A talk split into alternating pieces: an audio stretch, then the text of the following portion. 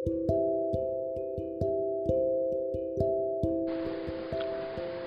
selamat jumpa kembali di siniar kita.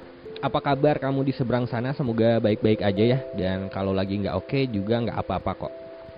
Terima kasih karena sudah mampir lagi. Kali ini aku akan ngajak kamu ngobrol buku berjudul Sapi, Babi, dan Tukang Sihir. Uh, diterbitkan oleh Margin Kiri.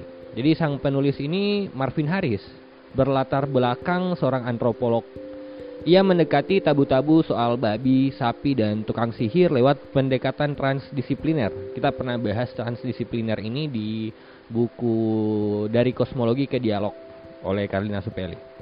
Nah, maksud dari pendekatan transdisipliner oleh Marvin Harris adalah ia memakai sejarah, ekonomi, politik dan pertimbangan pangan, geografi dan sebagainya untuk memperkaya wacana yang dia bangun.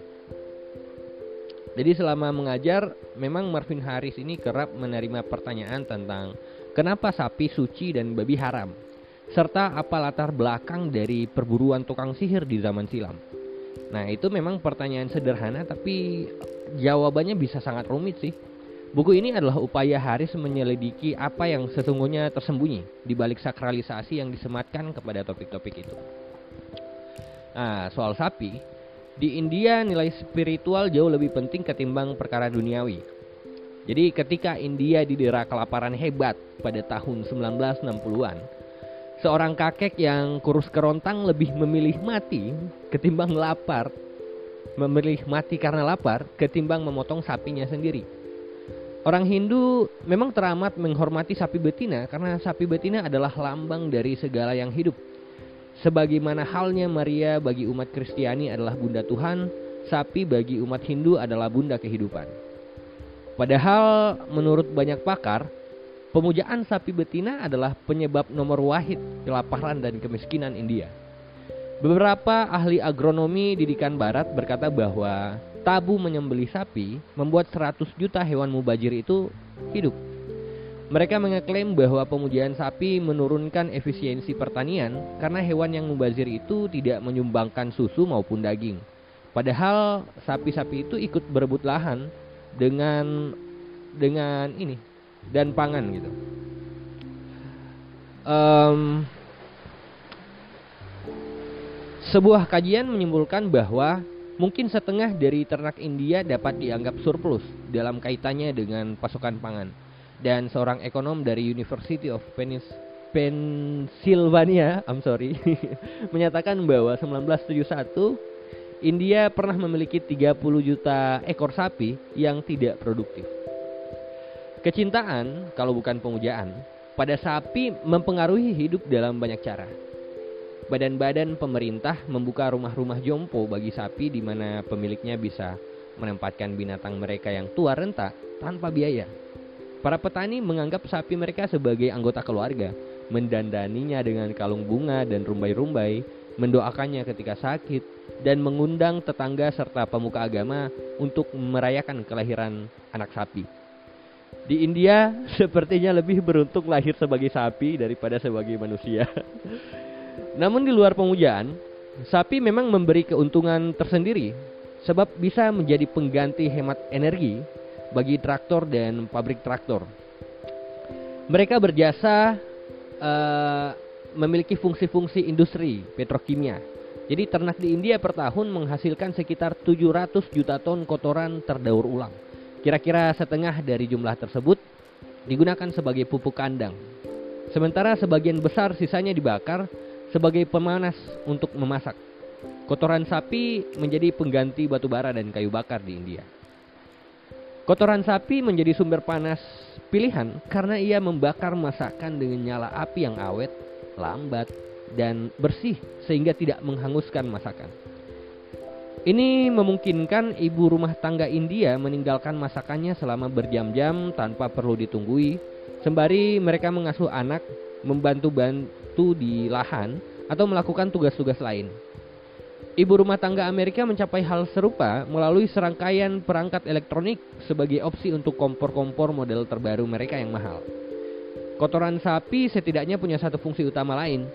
Saat dicampur dengan air dan dibuat menjadi adonan, Kotoran itu digunakan sebagai bahan membuat lantai rumah. Adonan tersebut dioleskan pada tanah dan ditinggalkan hingga mengering menjadi permukaan keras. Kotoran itu menjaga debu tetap di lantai dan mudah bersih.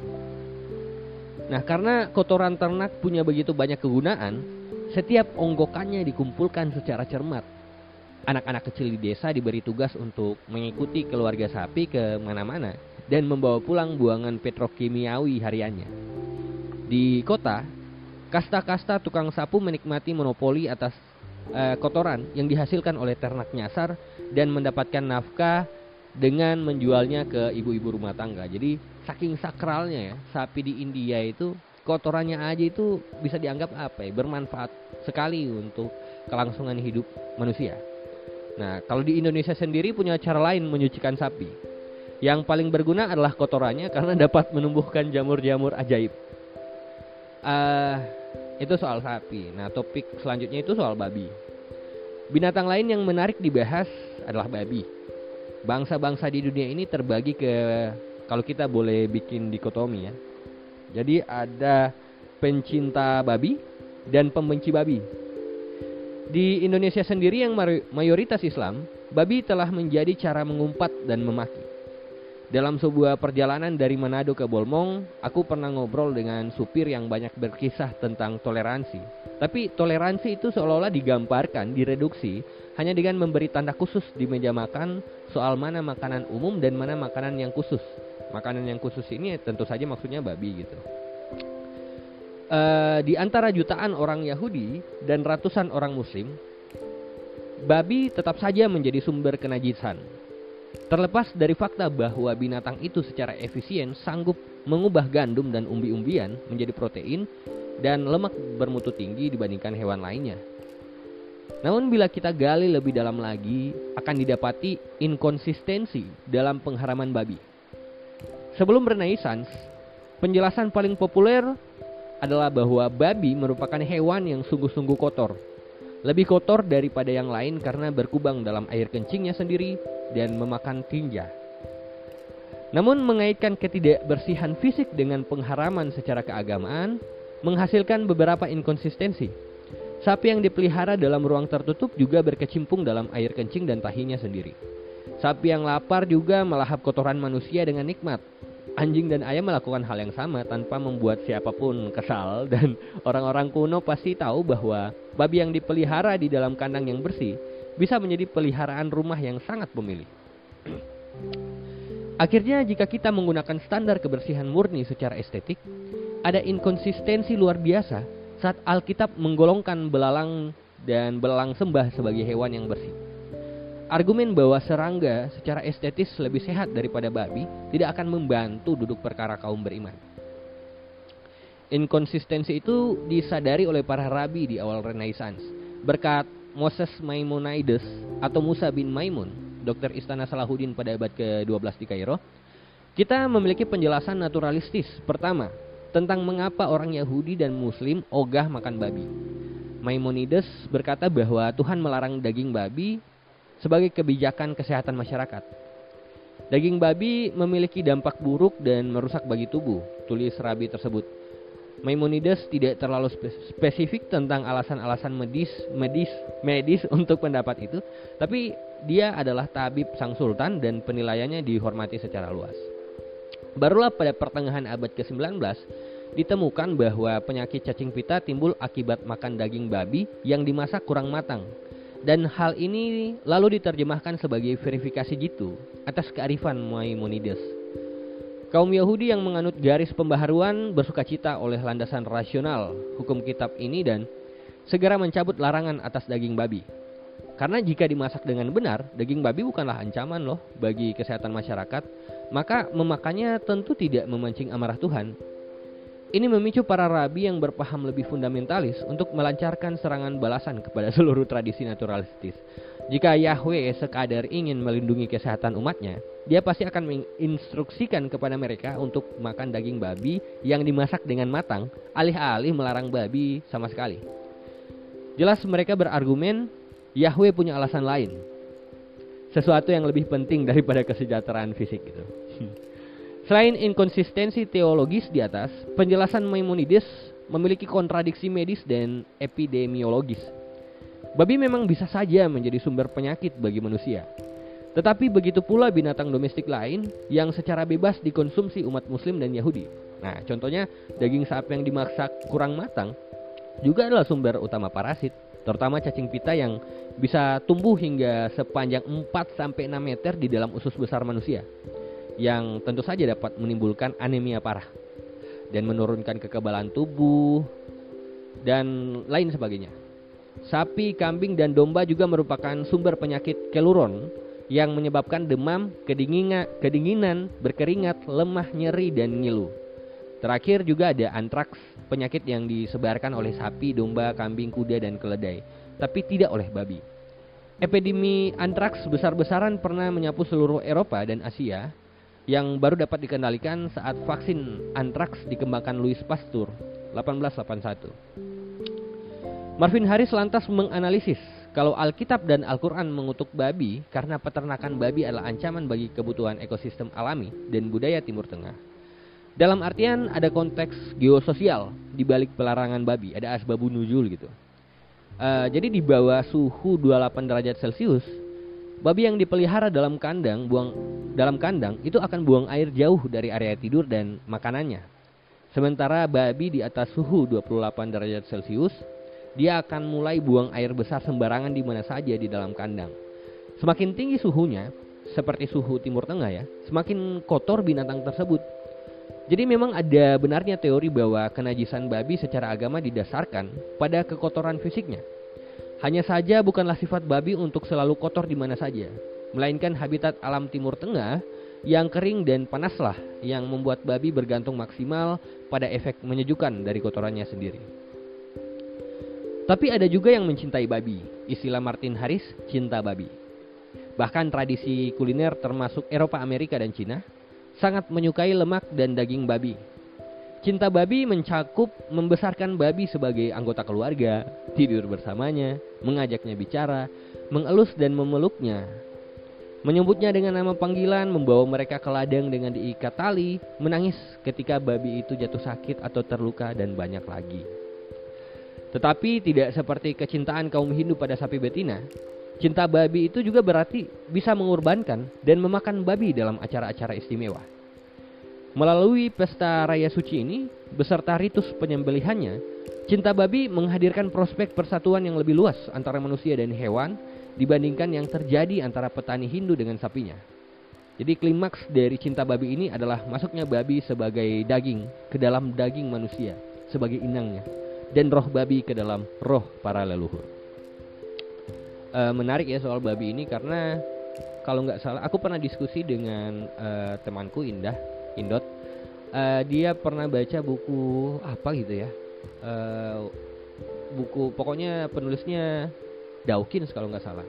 Jadi di situ di eh, Jared Diamond. Jadi di situ dikatakan bahwa ada dua hewan yang secara genetik sangat mirip dengan kita. Eh secara biologi sangat mirip dengan kita. Itu simpanse secara uh, DNA-nya itu hanya beda beberapa persen dan babi itu paling mirip dengan manusia soal anatomi tubuh. Jadi ketika kita memanggil orang babi itu ada benarnya juga secara secara apa ya? Ada justifikasi ilmiahnya gitu. Memanggil babi karena memang manusia itu anatomi tubuhnya itu mirip dengan babi. Nah, kita langsung saja next. Perang. Di salah satu aktivitas tertua manusia adalah perang. Namun berbeda dengan binatang, perang dalam dunia manusia amatlah merugikan Spesies hewan akan berperang dengan spesies lain demi bertahan hidup. Dan kalaupun ada pertarungan di spesies sendiri, pertarungan itu akan cepat usai setelah mendapatkan pemenang. Tapi manusia bisa memerangi spesiesnya sendiri bahkan tanpa motif bertahan hidup dan melindungi diri. Beberapa filsuf lalu menyimpulkan bahwa sifat dasar manusia adalah jahat dan suka merusak, misalnya Thomas Hobbes ya. Uh, Marvin Harris mencari motif lain di balik peperangan. Dalam kebanyakan masyarakat primitif, perang memang pengendali populasi yang efektif karena pertempuran antar kelompok yang intens dan berulang membuat pengasuhan anak laki-laki lebih dihargai daripada pengasuhan anak perempuan. Semakin banyak laki-laki dewasa, semakin besar kekuatan militer yang bisa dikerahkan ke medan laga. Dengan demikian, Semakin besar pula peluang kelompok itu mempertahankan teritorinya dari tekanan kelompok tetangga. Di banyak masyarakat primitif, motif utama perang bukanlah surplus libido yang kerap disebut faktor pengamplifikasi agresi. Perang justru terjadi karena kelangkaan protein. Masyarakat di desa-desa Yanomamo merupakan contohnya. Jadi Marvin Harris menulis, orang Yanomamo telah memakan habis hutan bukan tanamannya tapi binatangnya, dan mereka menerima konsekuensi dalam bentuk peningkatan perang, pengkhianatan, pembunuhan bayi, dan kehidupan seks yang brutal.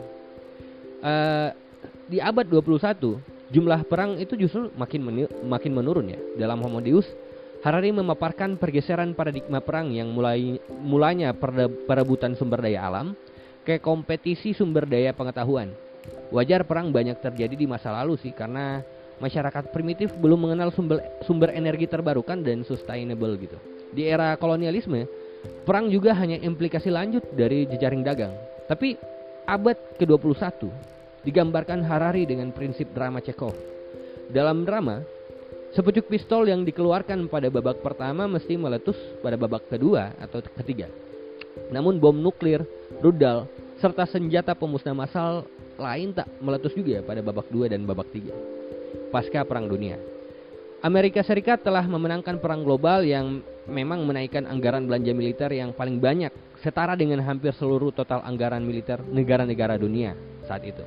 Tapi Amerika tidak juga menginisiatif perang secara langsung. Biasakan yang terjadi ya, uh, misalnya perang Irak-Iran. Di situ baru uh, senjata-senjatanya Amerika itu dipasok ke Irak gitu ya kalau nggak salah. Rusia itu dipasok ke Iran jadi memang Timur Tengah ini hanya permainan PUBG aja buat hanya land of down atau arena PUBG aja bagi para negara adidaya. Uh, topik selanjutnya yang menarik adalah tentang tukang sihir. Nah, sebelum masuk ke pembahasan tentang tukang sihir, Marvin Harris bicara panjang lebar soal doktrin juru selamat. Ia mencari asal-usul historis kenapa doktrin semacam ini muncul Meskipun juru selamat tampaknya fenomena keyakinan yang cukup universal. Di Islam, ia dipersonifikasi sebagai Imam Mahdi, di Indonesia sebagai Ratu Adil, dan di Eropa abad romantis muncul kultus manusia-manusia besar lewat gagasan Hegel, Thomas Carlyle, dan Habermas-nya Nietzsche. Kristianitas pertama-tama merebak di kalangan, kalangan Yahudi yang hidup di Palestina. Kepercayaan akan datangnya juru selamat yang disebut Mesias sosok ilahiyah berupa manusia adalah ciri-ciri penting Yudaisme pada masa Kristus. Jadi para pengikut Yesus awal hampir semuanya Yahudi percaya bahwa Yesus adalah juru selamat tersebut. Eh, Kristus uh, sendiri secara etimologi memang diturunkan dari Kristos yang merupakan cara Yahudi untuk menyebut juru selamat yang mereka harapkan dalam bahasa Yunani. Kepercayaan mesianistik tumbuh karena keyakinan masyarakat kuno bahwa suatu pertempuran tidak dapat dimenangkan tanpa pertolongan ilahi. Dengan landasan itu berkembanglah kelompok yang disebut Haris Mesianis Militer. Nah, kesinambungan antara ajaran Yesus dan tradisi Mesianis radikal diisyaratkan melalui hubungan dekat antara Yesus dan Yohanes Pembaptis. Yohanes berpakaian kulit binatang dan tidak makan apa pun kecuali belalang dan madu hutan. Gaya hidup minimalis yang bisa kita lihat dan kita temukan pada Sufi dan Buddha ya. Yohanes Sang Pembaptis jelas masuk golongan orang suci di tanah tandus di lembah Sungai Yordan. Ia suka memanas-manasi kaum tani dan budak, menciptakan masalah bagi orang Romawi dan bawahan-bawahan Yahudi mereka. Para petani dan budak kemudian menyimpan kesadaran perlawanan terhadap status quo. Jadi para petani dan budak menjadi elemen penting dalam pemberontakan pada institusi agama yang kerap main mata dengan politik kekuasaan dan keserakahan. Secara etimologi bahkan, petani berakar dari kata Latin paganus yang menjadi sinonim dengan kata kafir bagi orang Kristen. Sebab Kristianitas terutama merupakan agama bagi orang kota yang tercabut dari akarnya Barangkali semangat Yohanes Pembaptis yang disusupkan pada kaum petani dan budak menjadi latar belakang munculnya teologi pembebasan di kemudian hari itu.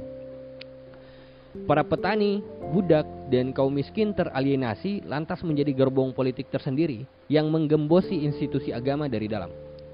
Salah satu cara menjauhkan mereka yang suka bikin onar adalah dengan mendaftarkan mereka ikut perang suci atau perang salib atau perang sabil dalam istilah Islam.